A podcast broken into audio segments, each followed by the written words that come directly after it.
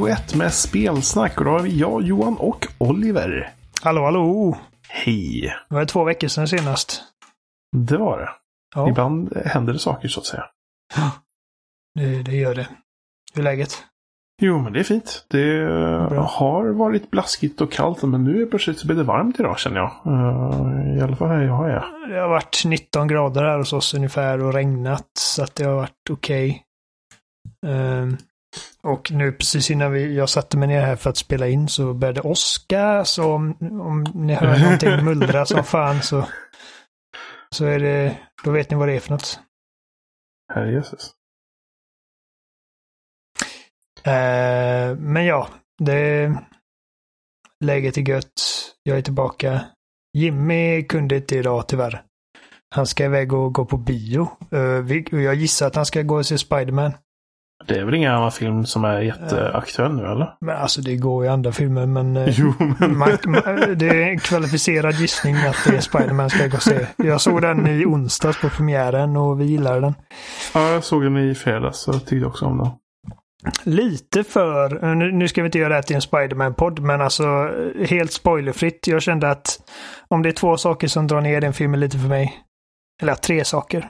Eh, Dels, um, okej den tredje kan jag inte säga någonting om utan att spoila. Så, så det är två saker. Två saker. Eh, Jag tror jag vet vad den tredje är. Ja, det har något med skurken att göra i alla fall. ja, precis. Ja. Ja, men jag tyckte Jake Gyllenhaal gjorde ett bra jobb, men det sättet som den här filmen ramar in honom på i början känns lite onödigt. Liksom. Att Ja. det tar tid för, den, för hans story att komma igång ordentligt. Men två saker. Dels så känner jag att alltså det soundtracket är alldeles för svagt alltså. Men soundtracken i... Nu är det kanske starkare i vissa filmer, men soundtracket över... Ja, MCU är inte Generellt, bra på ja. soundtracks. Nej, utan det är bara Men- någon sorts bakgrundssak som ligger Mm. där för att förmedla någon känsla ibland, typ. Alla smälter ihop. Och jag menar, alltså, Ja. nu, vid det här laget så kan man ju temat till Avengers. Mm. Eh, du, du, du, du. Det är ju rätt coolt. Men Men annars det är, så... typ, det är väl en av de en- endaste så här, liksom, filmerna där de verkligen har slått hårt på att Ja, få folk att liksom, komma ihåg det temat. Spiderman har ett tema som man kan höra ehm, både i Homecoming och Far From Home. Och jag tycker Mm. verkligen inte om det. Jag gillar inte alls. Nej. Så det, det känns inte Det som Spiderman. Det känns inte... Det har liksom inte den här typ adrenalin, adrenalin, äh, adrenalinpumpande trumman. Den, den har liksom ingen tyngd i sig. Det är liksom en tafatt och lättsam liten jingel som går fram och tillbaka. Ungefär som att och jag, vet inte, alltså jag, jag förstår att det är liksom att de här filmerna är lite mer som high school-komedier. Och, Mm. och det är ju helt... Eh, det är ju meningen såklart. Men det kommer också med att ja, det finns liksom ingen känslomässig kärna i soundtracket i de här filmerna känner jag. Ehm, och jag menar, alltså även om, även när Spiderman har sugit som med eh, eh, Amazing Spiderman-filmerna. Mm. Även om filmerna inte har varit något nå vidare så har ändå musiken varit riktigt bra. Eh, men musiken som James Horner skrev till eh, första Amazing Spider-Man tycker jag är fan skitbra. Och Danny Elfman är givetvis ett geni. Um, så det, det som krävdes för Spider-Man att få ett dåligt soundtrack var att flytta sig till MCU liksom. Um, jag menar, alltså, det är nog min största gripe med hela MCU är bara att liksom soundtracken är så jävla lama. Och det, Mm, ja, det, det har jag sett folk göra sådana roliga eller YouTube-videos där de går runt och frågar folk om de kan nynna på temat till Mm. en specifik Marvel-film och de bara uh, nej. Jag menar ifall jag, när, vi, när man sätter sig med Guardians 3 och det temat kommer, för jag vet att det finns ett tema i Guardians, så kommer, så kommer man ju säkert få den här liksom lampan som tänds över huvudet. Mm. Ja, just det, det är så det låter. Men det, det sätter sig inte. Jag menar, den enda filmen i hela MCU som jag känner har en egen identitet, det är väl typ Thor Ragnarok som har så här lite retrodoftande typ syntar och grejer. Ja, fast det är inget tema du kommer ihåg ändå. Nej, nej, liksom nej det är men- bara liksom att det har en egen identitet. Att Ja. Ragnarok låter inte riktigt som alla andra MCU-filmer. Och sen har ju Guardians-filmerna givetvis den enorma hjälpen i att de har sån grym licensierad musik. Mm. Ja, men det, Eh. det, det, det är ju dens, de filmernas grej. Mm. Men alltså själva originalscoren är ju fortfarande liksom så MCU det kan bli. Så det är synd, särskilt när det kommer till Spiderman för att jag tänker inte så mycket på det med de andra filmerna. För att jag har liksom inte... Jag vet inte, det, alltså alla Spiderman-filmer förutom de här två har haft bra musik så det, det, det stör mig. Och den andra då är att jag känner att den hade behövt vara lite mer seriös ibland alltså. Är jag ensam om det? Det var inget jag tänkte på faktiskt. Jag förstår återigen, det är en high school-komedi och hela den grejen och inramningen är helt annorlunda från tidigare filmer där uh, Fast, Peter Parker har varit lite äldre. Och... Fast jag, det var mycket så små saker kanske med Happy och sånt som blev konstigt. Eller jo, men jag, jag förstår vad du menar men jag tänkte inte på det. Nej, alltså de, de, de är kul filmer och, de, och det mm. tycker jag att de fortfarande ska vara. Men jag känner att eh, det finns ögonblick liksom där det är typ, åh fy fan, alltså stora monster förstör hela Europa. Vi kommer alla dö och de gör det till en, skäm, liksom till en punchline. Liksom. Mm. Typ som, eh, ja, du, du vet väl säkert vad jag pratar om när de står där liksom in, instängda i ett rum och de bara, ah, nu, nu är det kört liksom. Alla ja. typ bekänner jo. sina, ja. Och det är liksom, det finns ingen dramatisk tyngd i det överhuvudtaget. Ja. Det... Då hade man i alla fall, i, i Homecoming hade man i alla fall två riktigt... Men den var ju väldigt seriös delvis kanske, eller? Homecoming tycker jag, den var ju fortfarande, den har ju samma ton som denna känner jag, men den har de ögonblicken. Mm. Dels då eh, revealen med Adrian Toomes att Vulture är pappa till tjejen som Peter är kär i, vilket gör mm. att det blir en helt annan liksom personlig stake i den liksom relationen till antagonisten, vilket är briljant för det var det ingen som, som kunde förutse och alla liksom flämtade i biosalongen. Den här filmen har inte riktigt sånt ögonblick. Uh, och sen också när han är typ begravd, liksom under den här byggnaden. Och han är inte en superhjälte längre utan han är bara en rädd unge liksom som skriker på hjälp. Och det känner jag att det, det, hade, det hade vi inte sett i en Spiderman-film innan den punkten. Och det, den, liksom, det är enorm dramatisk tyngd i det. Det finns inte jättemånga sådana ögonblick i den här filmen. Jag, jag vet inte om det kanske var någonting att de, de kanske inte ville fastna i. Efter, eftersom den här är filmen efter också eh, Tony Starks död och så vidare. Att de inte vill fastna i att det blir för deppigt heller kanske. Nej, jag förstår. Uh, och det, det, det måste ju vara liksom någon form av uh, palette cleanser om man säger efter mm. Endgame. Någon um, sorts frigörelse från hela den mm. Men det tycker jag att de är. Alltså, filmen börjar ju helt fantastiskt. Ja. Med den här liksom tributen. Och uh, förklaringen och liksom det har man ju undrat sen Infinity War och Endgame. Liksom att hur, hur har de här ungarna hanterat det här med att liksom hälften av alla människor bara försvann och sen kom mm. upp igen. Och de, jo, jag tycker de gör det fantastiskt kul. bra.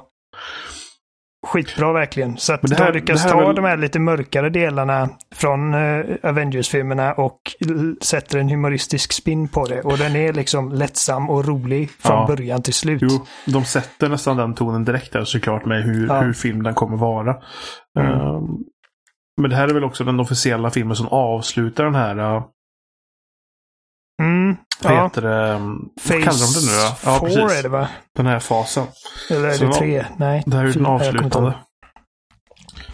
Så att, eh, ja. Nej men den är bra. Och det, äh, actionsekvenserna är mycket starkare än förra gången. För att det var en grej jag kände uh, uh, kunde varit bättre med Homecoming.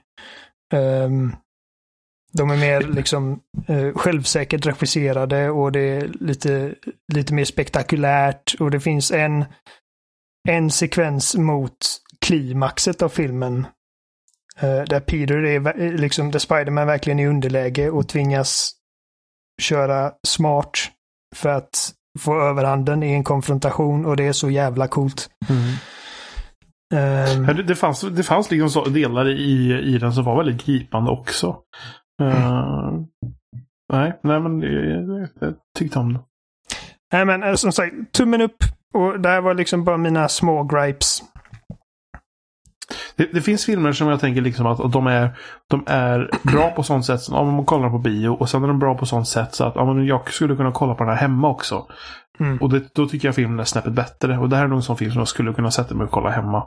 Ja, äh, jag, jag kommer köpa den när den kommer ut. Mm. Men alltså, jag har ju varenda MCU-film så jag kan inte sluta köpa dem nu. Oavsett liksom ifall jag gillar dem eller inte. det, det är kört. Uh, men då så, spel. Ja. Uh, Mario, jag, Mario Maker 2 har kommit ut. Ja, jag och Jimmy pratade lite om det förra veckan. Men det var ju mest Jimmy som hade spelat det. Ja, uh, jag har inte ens rört det. Nej, jag kunde väl inte låta bli så jag köpte det sen. Uh, för några dagar, någon dag sedan också. Uh, mm. Så jag har byggt ett par banor och kört storyläget. Uh, lite sådär. Och jag tycker det är kul. För att det storyläget är bara liksom att du, du, du kör banor. Uh, och sen så är det no är liksom att banorna får du pengar och med pengarna så drar du fram storyn typ. Uh, uh, och jag har ju inte kört det första Mario Maker. heller. så det här är ju liksom Nej, det första. Heller.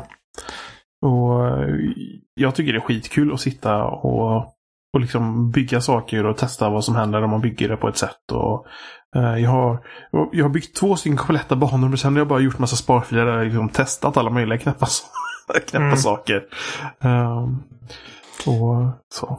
Jag tror att min, min uh, akilleshäl här, det som gör att liksom som håller mig borta från sådana här spel och det gäller liksom för att det är, det är ett fantastiskt koncept och liksom av allt jag sett så verkar verktygen vara väldigt liksom, lättanvända och samtidigt djupa och ger det mycket utrymme för kreativitet. Mm. Och det som jag tycker liksom att när jag kollar på grejer som vissa spelare har lyckats skapa i Dreams exempelvis så är det bara jävlar vilket imponerande, vilken imponerande motor, vilket imponerande verktyg. Ja. Det är bara att jag är inte kreativ nog för att för att göra en sån grej rolig för mig själv. Och Nej. när eh, liksom alla bra banor som finns är liksom det är bara liksom massa sådana här fuck you-banor känns det som. Jag skulle nästan våga säga att när jag spelade då hemma hos Jimmy och, jag och Filip spelade. Då gjorde vi ju så att alltså, vi gick ju bara in och laddade ner banor. Vi liksom byggde inte någonting än. Och mm de banorna som vi träffade på när vi gjorde det. Både att vi tog typ random banor från nya eh, skapare. Um, och bara gick på senast helt enkelt. Och där kunde man det var liksom bottenskrapet för det mesta. Men när man gick liksom på toppen och vi spelade banor av den här liksom den användaren som var på eh, första plats då. Um, som banbyggare. Så hade mm. han ju liksom banor som inte var sådär fuck you eh, faktiskt. Utan hade liksom väldigt kreativa banor. Det var, det var en bana, jag tror vi nämnde det förra veckan, men det var en bana helt enkelt att du skulle hoppa på Yoshi. Du var tvungen att hoppa i mål med Yoshi. Men du kunde inte hoppa med Yoshi över ett hål. Utan du var tvungen att hitta en lösning att, att, att komma över. Um, så jag tycker nog att det, det, det kan faktiskt finnas en orsak till att köpa spelet utan att vilja bygga. För det, folk verkar göra så väldigt olika banor. I alla fall i detta. Eh, jag vet inte hur det var i förra. För att de har utökat verktygen så mycket med hur du kan göra med nycklar och sådana saker. Så, eh, jag kommer nog mest spela det för att spela folks banor än att bygga faktiskt. Eh, för att folk gör så helt galna liksom. Eller inte galna på det sättet att, att det är liksom så här ospelbara banor. Utan hur kom de på att göra det här galet? Um, så jag tycker det är riktigt nice. Ja, det... Jag bara får känslan att liksom alla videos jag ser på det är folk som spelar liksom snor. Alltså nästan, nästan elaka banor. Mm. Du vet. Jo, det, det, det är såklart. Att Där det, det känns liksom som att de som är liksom bra på detta och är kreativa, de, de, de gör bara liksom det mest svåra, taskiga skiten de kan föreställa sig. Mm. Um, och, det, de har ju lagt till de här on-off-blocken och, eh, och lite sådana saker som gör att du kan göra någonting som inte bara är alltså plattform liksom. Utan det är, man, man kan skapa nästan lite pusselaktiga saker. Uh, Så det måste inte vara den här uh, sjuka nästan som folk gör typ uh, vad heter det? Super Meat Boy-banor i princip fast i Super Mario. Uh, som är bara sinnessjuka. Så mm. Det känns som att de har öppnat för när de har gjort det här. När de har lagt till fler saker som, för att det inte bara ska bli den typen av banor. Ja, nej men det... Alltså jag, jag, ändå, jag håller ett öga på spelet även om jag inte spelar det själv. Och jag är ju liksom dagligen ser grejer som bara, åh jävlar, liksom där, vad duktiga folk är. Mm, när, jo, när de får verktygen. Uh, jag är ju inte jätteduktig i egna banor. Jag har gjort egna banor för att testa göra egna banor precis. Men uh, det roliga är att spela andras banor helt klart. Vi har ju pratat lite om uh, YouTube-kanalen uh, Game Makers Toolkit förut och han gjorde en video. Mm. Det var det första jag kollade på innan jag började ja, göra själv. han gjorde en väldigt bra video. Inte en liksom tutorial så, så sätt, mm. utan mer hur ska man tänka ja. för att göra en liksom spelbar, kul bana liksom. Mm.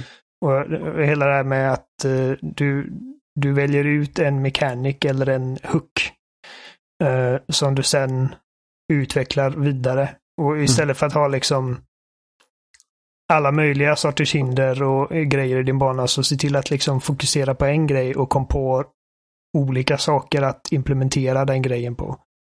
Um, så att alla som, alla som sitter med spelet och behöver lite inspiration om vad som vad man kan göra så uh, hoppa in på den kanalen och kolla hans video. Den är bra. Mm. Jo, för det, den, så han förklarade liksom att man ska liksom bara ta en mekanik liksom. Så får man mer fokus på vad man ska göra. Annars blir det lätt att man bara, oh det här blocket finns och det här blocket finns och detta finns. Och så tar man in lite sådana här och så tar man sån och så poff. Mm. Så har man en gigantisk röra. Um, så hans tips är väldigt bra för att få, få någon sorts fokus på det man gör. Ja, precis. Det är väl det bästa sättet att beskriva det. Att han ger en ett fokus. Uh, och det, det är liksom om man, om man granskar många av uh, Nintendos egna Mario-banor, alltså genom historien, inte bara i mm. detta spelet utan alla deras spel. Så uh, de flesta av deras banor är ju liksom baserat på en viss gimmick eller en hook. Mm. Som de sen hittar på nya sätt att liksom vända och vrida på. För att verkligen få ut så många mil som möjligt ur en enda grej. Och, och Nintendo steg... är mästare på det. Ofta en stegvis ökning i svårighetsgrad, men kanske inte ja. från 0 till 2000. Men att det i alla fall finns någon grad av ökning. Mm. Um, och att man, man visar att ja, men här kan du hoppa men du dör inte när du hoppar här. Och sen så går det nästa sak att ja, här kan du om du hoppar fel men det är rätt så lätt och så vidare. Mm, så det Han har väldigt bra tips i den videon. Mm. Jag har inte kollat på hans videos övrigt. Men jag vet att folk har pratat om att, att han gör videos, den personen. Uh, så jag, jag har inte förrän nu slängt på en prenumeration på hans kanal faktiskt. Okej, okay, men han, han, gör mycket intressanta grejer. Och men jag har inte sett precis allt han gör heller. Han, han har en serie, en så här återkommande serie som jag eh, inte är riktigt lika intresserad av. Och det är de här Boss Keys. Um, videosarna där han eh, liksom analyserar um, Dungeons och sådana grejer i, uh, i Zelda-spelen. Um, och hur de har utvecklats. Och, sånt, sånt är säkert jätteintressant för rätt personer, men det är inte jag lika nyfiken på exakt hur liksom olika tempel och grejer är byggda i Zelda. Um, men mycket av hans material är eh, jätteintressant även för någon som, som mig då som förmodligen aldrig kommer liksom designa tv-spel hela mitt liv. Nej, precis. Men det, det, det, alltså det, det är fortfarande intressant på något sätt att, att få höra hur man har tänkt när man gjort det. Det är samma som när man kollar på extra material till filmer eller lyssnar på eh, kommentatorspår eller någonting sånt där. Man, man, gör det ju inte för att man, man själv ska göra en film. Utan man gör det ju för att det är intressant Nej, man är intresserad av the craft, som man säger. Ja. Vad som går in liksom i skapandet av en sån grej.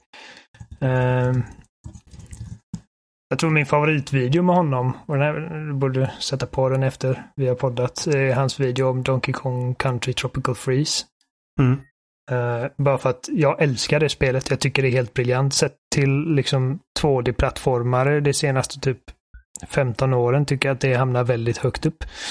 Och uh, Jimmy håller inte med. Han tycker inte om det alls. Han tycker att det känns klumpigt. Och jag bara, du har så jävla fel din jävla finne. Uh, så, jag, så, jag, så jag brukar länka den här videon till honom någon gång då och då. Den heter liksom Don Donkey Kong Country Tropical Freeze, Marios Level Design Evolved.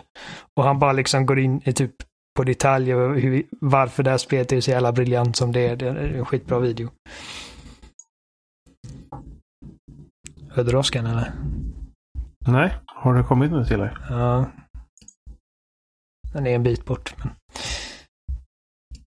Uh... Jag gillar inte Oskar. Alltid nervös för min elektronik. Ja, jo.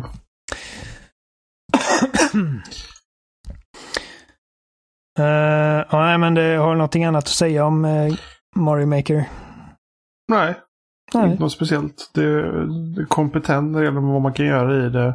Um, och det, det finns, folk, folk gör mycket banor så att uh, jag, jag tycker faktiskt att man behöver inte köpa det för att göra banor själv utan jag tycker man kan köpa dem även fast man bara vill spela andra banor. Mm. Uh, jag har spelat eh, det är primärt tre saker under de senaste två, två veckorna. Uh, och det är... Jag är på Splinter Cell Double Agent nu, för nu, nu har jag liksom, sen de blev bakåtkompatibla, uh, så har jag spelat ettan, tvåan, trean och jag är på fyran nu. Uh, så att, jag menar, fan vad jag älskar Splinter Cell, alla borde spela de spelen. Men det är gammalt, jag har pratat om det förut, så det behöver vi inte gå in på. så att Crash Team Racing har spelat. Lite grann. Ja. Uh, och det var min flickvän som köpte det spelet faktiskt. För att jag, jag, jag har alltid sett Crash Team Racing som någon sorts, liksom, jag menar, poor man's version of Mario Kart. Du vet liksom, du, din, dina föräldrar var dumma och köpte en Playstation istället för Nintendo 64 när du var liten och du liksom fastnade med det. Uh, men detta är liksom min, har varit min uppfattning av det utan att egentligen ha spelat det någonting. Och så här i hindsight så liksom en, en kartracer utvecklad av Naughty Dog, det, liksom, det finns inte många av dem. Så jag var ändå ganska nyfiken på att testa det. Eh, och jag menar, Mario Kart är fortfarande liksom serien jag föredrar, men jag är ändå ganska imponerad av det. Eh, det är definitivt svårare än Mario Kart. Alltså den AI är verkligen helt skoningslöst. Eller skoningslös.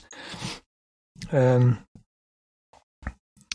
och jag menar, det är säkert liksom muskelminne som förstör det för mig. Liksom att man, man, man förväntar sig att alla kartracers ska fungera exakt som Mario Kart. Även om liksom, det finns fundamentala skillnader i mekanik och grejer.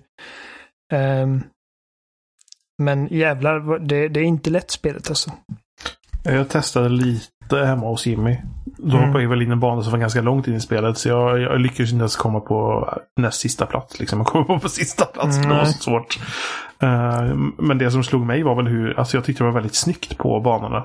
Ja, det ser uh, bra ut. De har gjort ett jävligt bra jobb. Det var någon bana som var typ massa gigantiska kugghjul som snurrade överallt. Liksom så här. Och det, man bara liksom det, det var så mycket som hände liksom i bakgrunden. Ja, det, det är massa liksom enormt sinne för detalj i liksom eh, bakgrunderna på banorna. Det är mycket att se. Mm. Problemet är att man, man tittar inte på det för man är ju Nej, så jävla upptagen med att stirra. Men ofta är ju miljön runt om och bakgrunderna väldigt statiska i, ja. i liksom racingspel. Så det var, det var lite kul att se. Uh. Och det är kul och det, alltså det finns det verkar i alla fall finnas liksom jättemånga hemliga genvägar och grejer som inte nog med att du måste veta vart de är. Ibland så måste du till och med använda liksom ett vapen eller ett item för att spränga upp en hemlig dörr eller någonting som du kan dra dig över. Och eh, så att det, det känns som att skillgapet i det här spelet är betydligt högre än vad det är i Mario Kart. Och det, det är inte lika mycket fokus på att de som är längst bak alltid får de bästa grejerna och de som är längst fram får alltid skit. Även om det, det är lite så här också. för att han som ligger först kan ju inte få de allra bästa vapnen, men det, du har ändå liksom en fighting chance även när du ligger längst fram. Um, och det, det, är faktiskt som sagt ett, ett betydligt skill gap i spelet. Um, det är många intricacies till hur man ska liksom maximera sin fart. Och det vet man även i Mario Kart att uh, drifting och sånt är väldigt viktigt. Att uh, man driftar tillräckligt, tillräckligt länge för att få en sån liten mini-boost i varje kurva. Fast när man, när man kör i alla fall mot AI, typ Mario Kart, så upplever jag det som att du, du kan göra det för att, att få en liten fördel. Eh, men det där i Crash verkar det som att man verkligen måste göra det. Hela ja, det är viktigt tiden. alltså. Och, och att göra trick jumps på varenda liten bula i vägen och uh, känna till banorna och genvägarna. Det är inte lika viktigt mot AI. Jag har aldrig sett en AI ta en genväg, men uh, när man kör online, alltså det är ju helt omöjligt att vinna dem. Det, Drifting fungerar lite annorlunda i det här spelet. Dels, jag tror att det som förstör mest för mig är att man hoppar mycket högre innan man börjar drifta. Det är ju liksom ett litet skutt man gör. Både i Mario Kart och Crash. Mm. Uh, och det är högre här så att det betyder att du börjar drifta senare. Även om det bara är liksom några frames det handlar om, men det är liksom, det är ändå betydligt. Uh, man driftar senare än vad man gör i Mario Kart, vilket gör att det ofta hamnar i sidorna och det är liksom en vanesak givetvis. Eh, men istället för liksom det där boost-systemet du har i Mario Kart, där du efter ett visst antal sekunder i en drift eh, får liksom att däcken börjar liksom typ eh, spotta sparks som märker att nu kan du släppa och då åker du iväg. Här måste du manuellt aktivera den boosten så att du har liksom en mätare nere i hörnet. Mm. Eh, som fylls upp när du börjar drifta. Och du ska liksom försöka trycka på den eh, motsvarande axelknappen när den mätaren är så högt upp som möjligt. Och detta kan du göra tre gånger på rad. Vilket kulmineras till en liten liksom speedboost. Eh, som håller några sekunder. Och om du trycker för sent så liksom får du bara liksom, den bara dör. Så blir det ingenting. Eh, och om du trycker för tidigt så blir det liksom en ganska mesig boost du får. Så att, alltså, timing är viktigt och... Jag är också typ den enda kartracen där jag känner att det liksom, det är aldrig Alltså att, att bromsa in, att faktiskt bromsa in i Mario Kart så man håller ju inne, i alla fall jag håller, håller ju inne gasen hela tiden. Från jo, det att matchen börjar. Och uh, det enda du behöver göra är liksom att göra uh, driftsen bra. I Crash är det faktiskt en hel del gånger där jag känner att jag måste fan bromsa in här nu. Uh, för att det är bättre att ta den lilla bromsen och komma iväg än att liksom åka ut på gräset eller ut för banan och, och så vidare. Um, det, alltså, sen är det ju liksom ifall, ifall man är... Jag är inte alls bekant med de här olika karaktärerna som, som man är bekant i, i med Mario Kart-karaktären eller Mario-karaktären eller whatever. Mm. Så att karaktärsgalleriet är ju inte lika striking för någon som mig då. Jag, menar, jag har ju spelat alla Crash-spelen och jag känner igen många av dem men det, ja. Det är typ Tiny Tiger och den här lilla Pandan och Neocortex och de här. Jo, det är väl inte några karaktärer som man, man tänker på så jättemycket ärligt talat. Nej, så att det har liksom inte riktigt samma liksom kulturella staying power som Mario Kart har. Men min mamma vet vem Mario är. Och Toad och Yoshi. uh, hon vet nog inte vilka Liksom, hon kanske känner igen Crash, men det, det är liksom, det är kanske. Och uh, ingen av de andra, det, det, tror jag fan inte. Och sen har vi det här ungefär som typ eh, Diddy Kong Racing. Det har liksom ett, mer av ett, uh, vad heter det? Uh, ett faktiskt adventure mode. Som jag känner är lite hit or miss. Um, så det finns en story liksom till, ja det är någon, det är någon alien som kommer och säger att ja nu ska ni tävla på mig i ett racing och ifall ifall ni vinner så låter jag er vara, ifall jag vinner så utplånar jag er hela planet och bla bla. så jag sätter, lite, sätter det lite mer i kontext.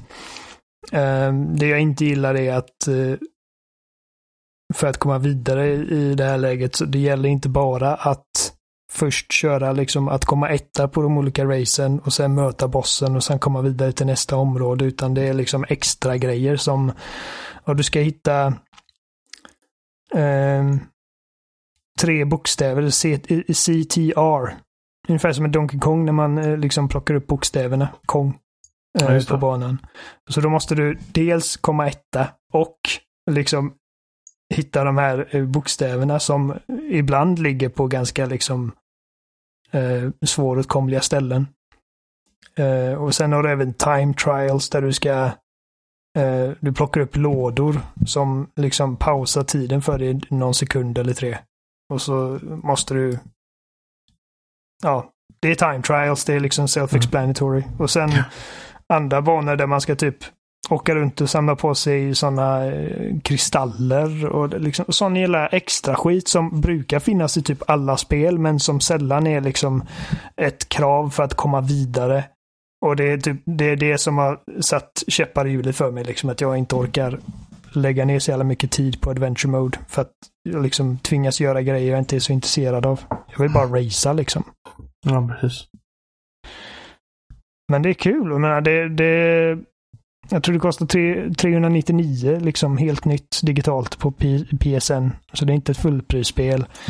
Um, och jag tror, jag tror det är Binox som kanske är mest kända för uh, några, liksom många av deras Spiderman-spel. Som har gjort remasterarbetet och de har gjort ett väldigt bra jobb. Det är fint, det, kan, det är det, kan liksom inte vara mycket som är, det kan inte vara mycket som är kvar av originalet egentligen. Eh, vad måste- tänker du? Nej, men alltså, det måste, ju liksom- allting i vägen måste vara gjort från grunden i princip. Bara att de sen försökte överföra någon form av känsla i så fall då från originalet. Alltså, så som jag förstår det, jag kollade en intervju och de sa att vi har liksom försökt att inte röra någonting av spelmekaniken. Att det ska Mm. kännas exakt som, Mm. som det gamla spelet, men bara att det ser bättre ut. Ja. Ehm, De har suttit där och testat om och om igen och jämfört med det gamla förmodligen. mm. Jag menar, min flickvän då som, har, som faktiskt har spelat där och växt upp med det här spelet, hon, hon, hon kände igen alla banorna och tyckte liksom att det här är ungefär så som jag minns att det såg ut. Ja. Och då tog jag upp en video och bara, så här såg det ut. Hon bara, okej. Ehm, det är klassiska liksom hur man tror att något såg ut och hur det faktiskt såg ut. Mm. Ja, men samma liksom när Shadow of the Colossus-remaken kom och jag bara liksom, det här ser fint ut. Det, det, det ser ut ungefär som jag minns att det ser ut och det, det spelet ser ut som kräk på PS2. Mm. Mest på grund av att det är liksom, det körs i typ tre bilder i sekunden. Men Och är samma när eh, Fallout 4 visades så folk sa att "Men det här ser exakt likadant ut som Fallout 3. mm. Ganska stora skillnader var det faktiskt. jo, ja, det blir, man, man blir liksom blind för sånt där. Lite Men det, grann. men det är ibland när någon visar, de visar något nytt spel som kanske inte har världens finaste grafik så säger folk att ah, men det ser ut som ett PS2-spel. Ja, Ja, fast, ja, men, nej, det är vanligare. Det ser ut som PS2. Det gör det Ja. fan inte. När spelade du PS2 senast? eh, minnet som spelet spratt lite. Så. Det var väl, alltså, jag tror att... Eh, jag ska nog inte nämna några namn, men, eh, men det var några bekanta till mig som sa att eh, ja, men Red Dead Redemption 2 ser fan ut som ett PS3-spel. Jag bara, dra det i röven. Gör det fan inte. Jag skulle nog våga säga att det till och med ser bättre ut än de, de, de bästa PS3-spelen som typ Naughty Dog-spel. Inte, Ja, inte ens de, inte ens de kommer det den nivån. liksom på den nivån åtminstone. Ja. Ja, nej. Man, man minns inte riktigt. Nej, men så är det. Men Man tror att det var på ett visst sätt, men så är det inte. När jag tänker tillbaka på Goldeneye 64 så liksom, det ser ju fortfarande bra ut i min skalle. Och det är alltså, det, det är säkert svinfult. Jag har inte spelat det på säkert de jävla kontrollerna också. 18 år. Men jag lovar, hade, hade, hade ni satt en, mig framför Nintendo 64 med det spelet i, jag hade haft, jag hade haft roligt med det alltså. Jag lovar dig. Ja. Det är så, och på med split screen och köra fyra personer. Det, Mm. det tror jag helt klart kan vara riktigt kul. Den där remaken som kom. Den, den räknas inte. Det är det Activision gjorde med, med Daniel Craig. Ja. Ja. Jag menar alltså det, jag ser inga egentliga problem till att det är Daniel Craig i det. Det, liksom, det gör mig ingenting. Det bara det, det var ju mer som en Call of Duty-klonen. Mm. Det finns ju en, en, eh, en mod till Half-Life 2 som är typ heter Goldeneye Source eller någonting sånt där till PC. Ja, just det. Uh, den är jävligt fräck faktiskt. Där de har kvar den här konstiga grejerna som att man typ, uh, typ stannar still när så fort man vill sikta och vill ha det här röda mm, korssiktet och sådana här saker. Så de har kvar sådana mm. funktionaliteter liksom. De hade sån här soft lock aim. När man inte siktar in. Alltså sköt ja, man liksom typ uh, åt liksom den generella riktningen av en fiende mm. så satte skotten. Precis. Och så ville du sikta manuellt så fick du fram den där liksom, den röda cirkelkrysset. Ja, precis. Så den, den, den modden är lite fräckt faktiskt. Fan vad coolt det spelet var. Särskilt när man var liksom ett fan av den filmen. Jag älskade den filmen. Ja, alltså det var ju typ, jag, jag vet när jag var hemma hos några barndomsvänner och vi typ så jag bara eh, kollade typ på filmen Goldeneye och sen efteråt så bara, ja ah, vi måste spela det spelet liksom. Så, så, mm. så satt vi liksom och spelade det i flera timmar efteråt också. Tyckte det var så jävla coolt när man fick använda lasern på klockan för att liksom skära upp en, ett hål i mm. tåget för att komma ut som de hade liksom riggat det med explosives. Men egentligen, de, de, de gamla liksom Bondfilmerna som hade ett väldigt stort fokus på de här liksom prylarna och sånt. Det är ju som mm. perfekt att göra spel av. Ja. Definitivt. När var det senaste gången det kom något Bondspel? Typ Quantum of Solace eller någonting va?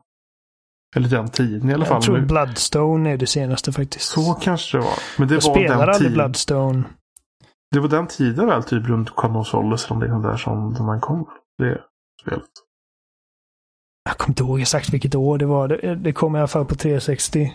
Vet jag. Mm. Uh, Quantum of Solace för mig att det var Treyarch som gjorde det. Jag tänkte på det häromdagen och alltså, jag vet inte om jag har ett skitminne, men jag, har för mig att det var ett helt okej okay spel ändå. Jag har nog inte spelat några för att, eh, Jag gillade inte filmen. Jag, jag kommer alltså... Alltså jag har varit ett Bond-fan så länge jag kan minnas i princip. Mm. Uh, och jag kommer ihåg hur tveksam jag var till Daniel Craig som Bond. För att jag hade liksom, Pierce Brosnan var den jag hade växt upp med. Ja, jo precis. Um, och uh, man såg någon trailer med honom och de visade bilder på honom. Jag bara, alltså det här ser inte ut som Bond. Alltså det är liksom det töntiga liksom som man ser nu från vuxna människor att Ariel kan inte vara svart. Liksom. Det var, det var jag när jag var 15. ja. Uh, med att Bond kan inte vara blond. Han måste vara liksom mörkhårig. Uh, men alltså, jag gick och såg en Casino Real på bio och bara alltså. Innan temalåten startade så var jag helsåld på Bond. Äh, på Craig. Och mm. jag tycker fortfarande liksom att Craig är en skitbra jävla Bond och det är... Uh, nej, jag älskar Craig. Och sen då kom Quantum of Solace och jag tyckte att det, det, var en enorm besvikelse för mig efter Casino Royale. Jag håller fortfarande Casino Royale som den bästa Bond-filmen och en av de bästa actionfilmerna. Um, så jag tänkte inte så mycket på det när de, liksom, när de släppte ett spel som heter Quantum of Solace, men det är inte jag intresserad av liksom. Uh, men det visar sig att storyn från uh, Casino Real är inbakad i spelet. Ja, som slängt ihop båda de så. Ja, precis. Så det börjar uh, så, precis som Quantum of Solace börjar. Och så kör man då fram tills det, det kommer en scen där man kraschar eller man hoppar ut ur ett plan med hon, eh, jag kommer inte ihåg vad hon heter i filmen, men hon, Olga Kurylenko tror hon heter, skådisen. Mm. Bondbruden i den filmen. Eh, de är tvungna att gå en jävla bit i öknen typ för att komma tillbaka till hotellet. Och i spelet så frågar hon lite liksom, ja, typ, eh, har du förlorat någon? Och han bara, uh, Vesperlind hette hon eller vad fan det var. Så, så får man se en flashback då till början av Quantum, Casino Royale. Så att hela Casino Royale är liksom som ett mittparti i Quantum of Solace-storyn i det spelet. Um, och med, jag, kommer, jag, jag spelade nog två, tre gånger faktiskt. Säkert inget mästerverk på något sätt, men ändå liksom mer än vad man hade förväntat sig från ett liksom filmlicensspel. Det är ändå, det är ändå Treyarch som har arbetat med det. Så de, ja. Så det är inte några som är helt uh, mega amatörer. Nej. Det är kanske därför som det blev ett okej spel då. Treyarch är väl, det, borde, alltså det känns ändå som att det är den studion som är mest framgångsrik med sina Call of Duty-spel nu, med, med mm. Black Ops. Det är till och med tydligen exakt samma motorversion som det var i Call of Duty 4. Mm. I konsoles. Ja, det kändes. Det, det kändes snappy. Det enda jag var besviken på var att det var liksom censurerat. Det var inget blod överhuvudtaget. Såklart. Det var liksom, man sköt någon snubbe och liksom, det fanns ingen detection eller så. Ingen liksom, respons på att du träffat dem utan de bara faller ihop liksom. Uh, och de kom ju undan med det i Goldeneye för att det var liksom små typ, ungefär som att man sköt på typ jag vet inte, en metallyta, att det blir gnistor när man träffar fienderna. Kommer du ihåg det? Nej. Men, men blev det inte rött på kropparna typ? Jo, jo det blev det. Det var, det var inget blodsplatt så, utan det var, de, de fick liksom röda texturer på kläderna. Ja. Eh, men liksom man såg, när kulan träffar så blev det som, som lite gnistor, ungefär som att man skjuter robotar. Men då var det ändå någonting liksom. Att ja. Okej, okay, nu registrerade min hjärna att jag fick en träff på den snubben. Och eh, det var det inte i Quantum of Solace, om jag minns rätt. För att alltså, jag var grymt frustrerad över det i, liksom, i ett i övrigt ganska bra spel. Ja, det... Spelar du Everything or Nothing? Um, är, det, är det det...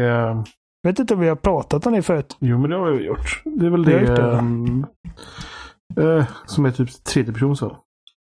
Ja, gjort ja. av liksom så här Dead Space-snubbarna.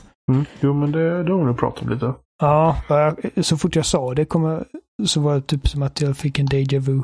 Ja, men det, det, spelet har jag spelat ganska många gånger. Jag vet jag spelade igenom vissa banor om och om igen bara för att... Liksom... Ja, samma. Jag spelade den highwaybanan på motorcykeln tusen gånger säkert.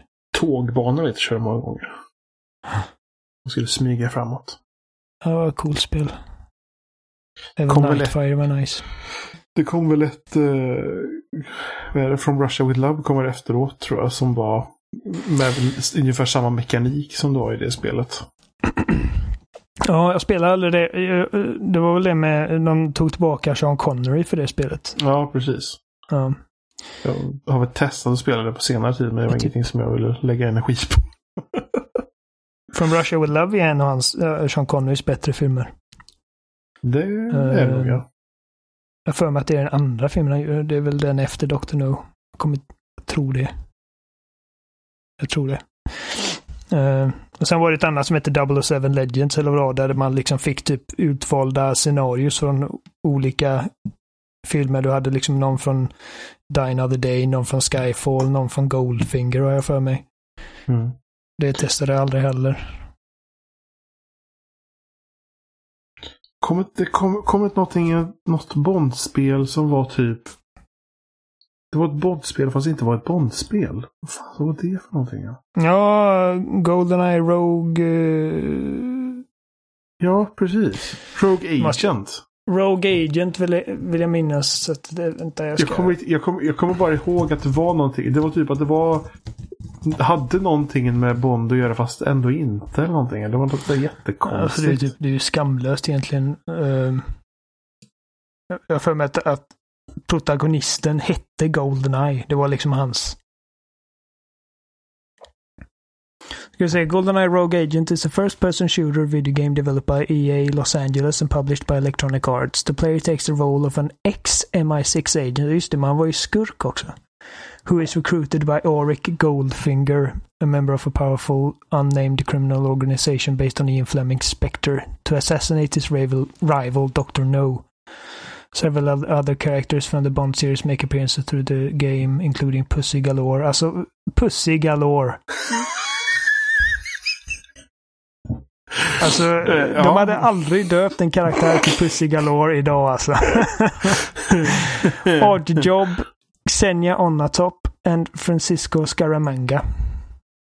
Så det är liksom bara en mishmash av massa ja, James Bond. Jag, liksom, jag, kommer ihåg att jag, jag kommer ihåg att jag tyckte redan då när det kom spelet, jag fattar liksom inte vad är det Nej. här för någonting? Jag, förstår, jag ja. förstår inte.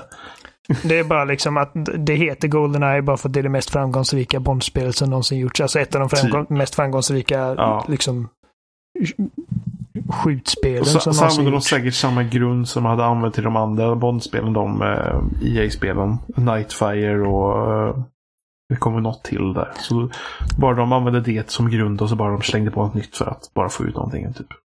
Bara liksom, alltså ja, det är så här easy, easy marketing. Despite its name and being part of the James Bond universe, the game has no relation to the 1995 film or the 1997 video game of the same name. In mm-hmm. this, in this setting, the game's protagonist is given the name GoldenEye after he loses his eye, and receives a gold-colored cybernetic replacement. Gud. Electronic Arts has listed the title of, along with 007 Racing as spin-offs that do not make part of the canon they've built with Tomorrow Never Dies. Uh. Ah. det var liksom, ah, förlustöga på ett guldöga. Men, men jag fattar inte, hade alltså Electronic Arts licensen för Bondspel ett tag då? Ja, Men det, det, men det är Activision som äger rättigheterna för Goldeneye-spelet?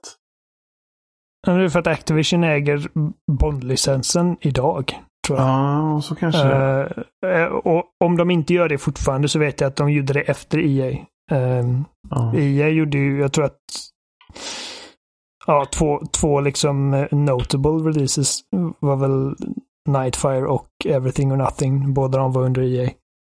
ja. Uh, Och, jag tror eh, Agent Under Fire var under EA också Men faktiskt. de gjorde väl, jag tror de gjorde väl från, de gjorde väl till 64 var väl E också väl? World of Enough var de som gjorde också, tror jag. Well It's Not Enough var också EA ja. Ja, så jag tror att de, de plockade upp licensen ganska fort där och så hade den ganska länge. Ja. eh, ja, Agent Under Fire också Electronic Arts. Eh, Jag kommer ihåg att jag var förvånad när jag spelade, jag spelade Nightfire till PC. För jag spelade mycket GameCube-versionen med kompisar. Eh, och så spelar körde, jag, till PC. så körde jag PC-versionen och det är jättestor skillnad på de spelen. Det är typ inte ens samma spel. Nej. Nej, jag vet. Jag, jag har också hört det. Och, eh, för att jag, jag spelade till PC. Jag var inte jätteförtjust. Det var först när jag spelade, jag tror det var Xbox-versionen och såna kompis Mm. som jag kände, ja men det här känns bättre. Det var, Ja, Okej, så att eh, Goldeneye och James Bond 007 var ett Gameboy-spel. De, de var...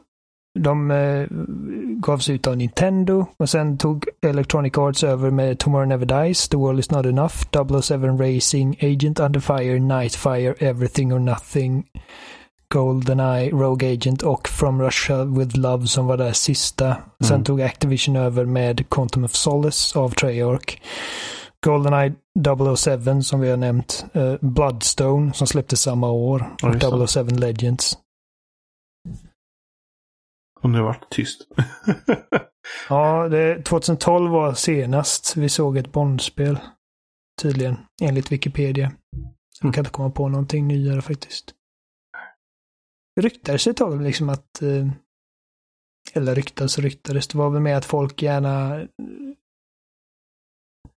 eh, drömde lite om att eh, Telltale skulle göra ett eh, James Bond-spel. ja, jo. För att jag menar alltså den, den, den mest, eh, det är givetvis, vi har, ju- vi har ju sett Bond i spelform typ eh, som first person shooters, vilket jag menar makes sense. Och Mm. det, det är där liksom, ehm, det är där de har haft mest framgångar givetvis. Ehm, men när man tänker på liksom, alltså i filmerna, det är ju inte så jävla mycket skjutande egentligen. Det är Nej. olika givetvis från film till film. Men att vara spion är ju så mycket mer än att bara liksom breach en död och slow motion headshot och allting. Mm. Eh, Så jag tror att ett Telltale-spel hade kunnat kunna bli Det- coolt. Ja, jo men det har det nog blivit. Det har varit kul överlag att se någon bara liksom ta tag i en sån licens och och gör, alltså att liksom vilja göra någonting. Inte bara liksom att här har licensen, du ska basera det på det här materialet, gör det bara. Utan istället Mm. liksom sätta sig liksom, jag har det här. Eh, de här karaktärerna liksom. Och, och, vad skulle man kunna göra med detta? Och, liksom, och faktiskt vilja ha någon sorts vilja för att göra en viss typ av spel. Um... Jag skulle faktiskt kunna tänka mig också, men nu är inte det jättelångt bort från Telltale, men alltså det formatet som eh, Quantic Dream och David Cage-spelen körs i. Har nog fungerat rätt bra för Bond. Med liksom utredningar och liksom espionage. Mm. Jag skulle tänka mig att, att eh, att mycket action ändå. Eh, under, ja, om man ska göra någonting kanske också, eller i, eh, i tredje persons och eh, men mer fokus på kanske andra saker än bara skjutandet också. Mm. Tal om Quantic Dream, jag har ju jag har ju satt mig lite grann med, eh, eller ja, jag har spelat en hel del faktiskt. Så att jag är över halvvägs in i storyn känns det som. Med Detroit Become Human. För att det blir ju liksom... Det hade ju liksom en liten stealth-release på PS Plus. Uh, då var tanken att det skulle vara Pro, Pro Evolution Soccer gratis den här månaden på PSN. Uh, men i sista sekund så bytte de ut det till uh, Detroit. Jo. Och Dessutom Detroit Deluxe Edition så Heavy Rain ingick. Och mm. ett digital soundtrack och en artbook och all möjlig skit. Uh, och jag menar, det som känner mig vet jag att jag är liksom inte världens mest positiva track record med de här spelen. Jag, jag känner att de är rätt mjäkiga. Um, men jag vill alltid ge dem en chans för att jag känner ändå att det de försöker göra är väldigt spännande. Och mm. det finns inte många andra studios som gör liknande grejer. Särskilt inte med de produktionsvärdena. Liksom om man kollar typ uh, Telltales Walking Dead som definitivt är ett mycket bättre spel än vad Quantic Dream någonsin har gjort.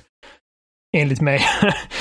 uh, men uh, Quantic Dream har ju liksom pengarna och tekniken och för att göra verkligen liksom snygga spel. Även om Uncanny Valley-effekten blir lite väl stark ibland. Um, och hittills känner jag alltså, jag tycker att Detroit är i alla fall ett starkare spel än vad definitivt starkare än Beyond som är liksom bara en enda clusterfuck av bullshit. Men eh, även bättre än Heavy Rain. Mm.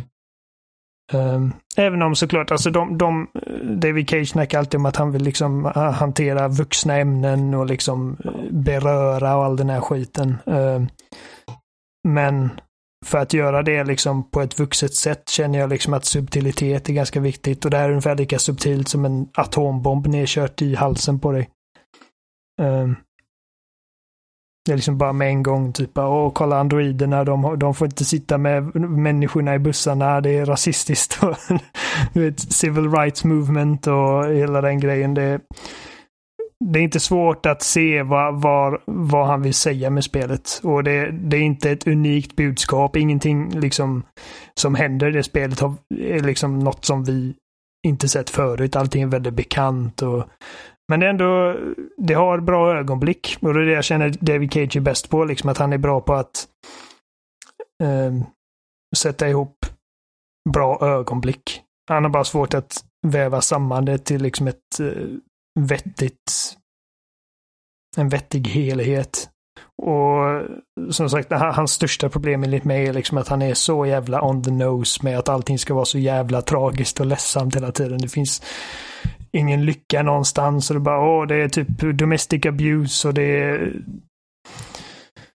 droger och det är bara misär och liksom kolla vad hemskt allting är och det snöar och det regnar hela tiden och det är kallt och det här stackars barnet som blir slagen av sin far och de här stackars androiderna som bara vill leva sina liv. Liksom, allt det där är ungefär lika, lika sofistikerat berättat som jag förväntar mig av det. Men eh, jag har ändå det är inte lika liksom förolämpande kast som Beyond var i omgångar. Mm.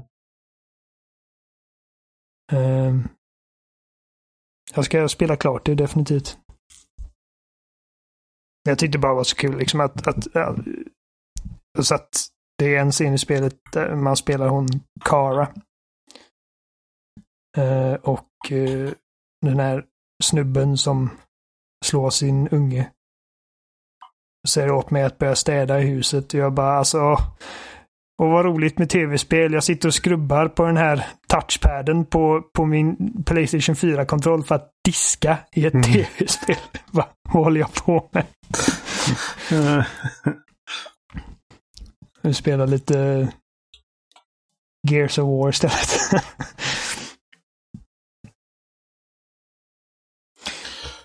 Nej, men eh, vad känner du Johan? Det var väl det vi hade för den här veckan tror jag. Ja, jag känner att det är dags för pannkakor.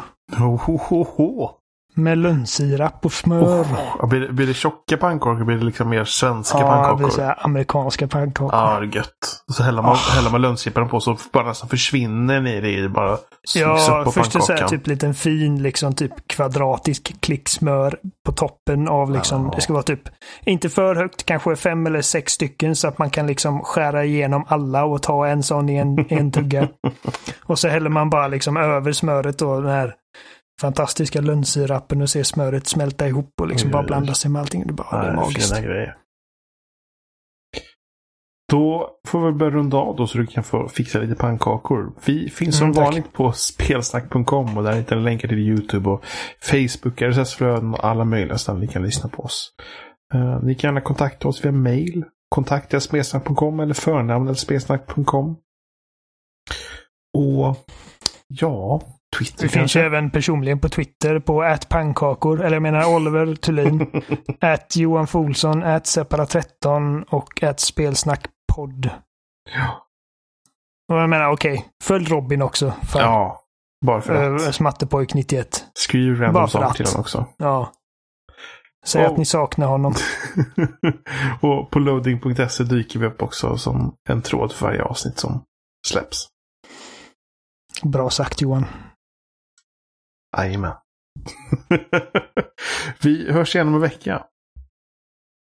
Hej då. Hej.